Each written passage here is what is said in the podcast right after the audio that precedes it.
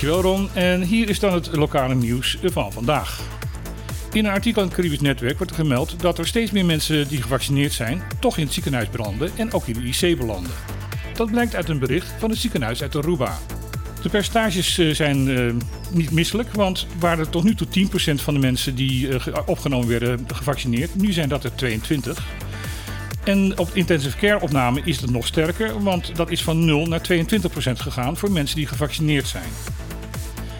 Jacco Vroegop, de directeur van het ziekenhuis, zegt van ja, dat ligt voor een deel aan het feit dat de vaccins die gebruikt worden ietsjes minder effectief aan het worden zijn naarmate de tijd verstrijkt. Daarom is een boosterprik belangrijk. Maar, zegt hij, er is nog een andere reden. 80% van de mensen die op dit moment worden opgenomen in het ziekenhuis wegens corona hebben overgewicht. Hij zegt, daar moeten we ook iets mee gaan doen. Daar moeten we ook iets mee gaan beginnen. En een actief beleid gaan voeren om dat tegen te gaan. Want ook dat is een manier om deze coronacrisis tegen te gaan. Dan wat leuker nieuws. Bonaire is geselecteerd als een van de National Geographic Travelers beste bestemmingen in 2022. De zogenaamde Best of the World is een lijst die heel erg invloedrijk is. En het is een eer om daarop te staan. De lijst heeft uh, vijf categorieën en Bonaire is op de categorie familie terechtgekomen als een ideale plek om samen de onderwaterwereld op het eiland te ontdekken. Maas Messere, de CEO van de Tourist Corporation Bonaire, is erg enthousiast en zegt van dit is natuurlijk een fantastische internationale promotie om de damesbekendheid van het eiland groter te maken. Dan even iets heel anders. In hoger beroep heeft het Hof van Justitie voor de Caribisch Nederland bepaald dat waar dan ook in het Koninkrijk een huwelijksakte is gesloten, die overal in alle landen van het Koninkrijk geldig is. De reden van dit beroep is dat een man die geboren is in Aruba en de Nederlandse nationaliteit heeft, getrouwd is in Sint-Eustatius met een vrouw van de Dominicaanse Republiek. Daarna zijn ze weer teruggegaan naar Aruba en wilden zich daar laten, als getrouwd paar laten inschrijven.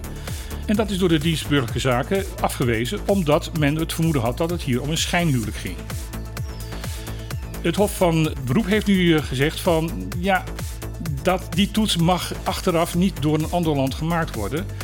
Deze, dit huwelijk is gesloten in Sint-Eustatius. Daar heeft men geen aanleiding gevonden om dit te zien als een schijnhuwelijk. Dan is dit huwelijk overal in het Koninkrijk geldig. De overheid van Aruba is hier tegen in beroep gegaan. Maar ook in hoger beroep is dus nu gezegd van nee, de toets of dit een schijnhuwelijk is ja of nee moet in het land gemaakt worden waar de huwelijk gesloten wordt. En dan mogen de andere landen dat niet meer in twijfel trekken. Dan, er komt een coaching traject voor ondernemers die beginnen in de landbouwsector. Dit is om de landbouwsector verder te stimuleren.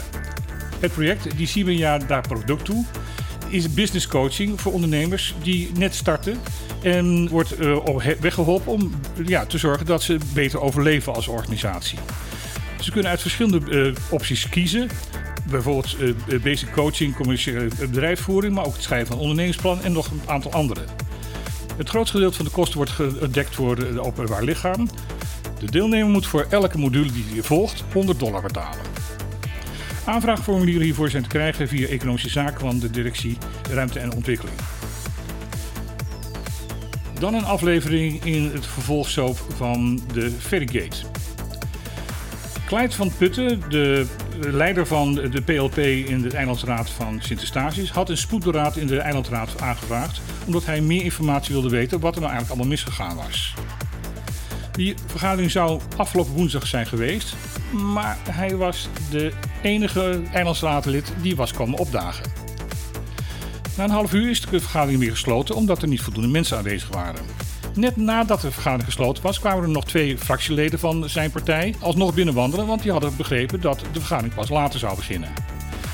Koos Sneek van de lijst Sneek, onafhankelijk uh, eilandsraadlid, vertelde tegenover de krant dat hij niet was gegaan omdat hij al voldoende informatie had en uh, geen behoefte had aan een extra vergadering.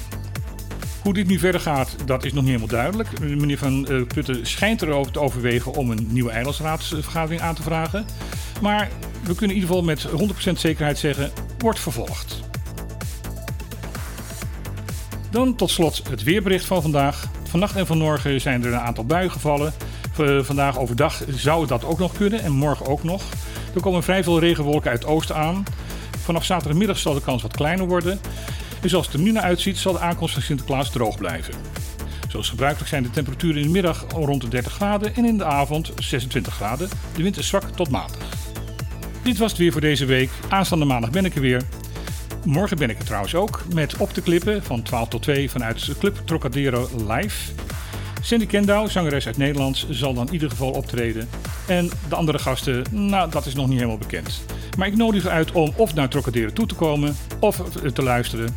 In ieder geval dan tot morgen. En anders tot maandag.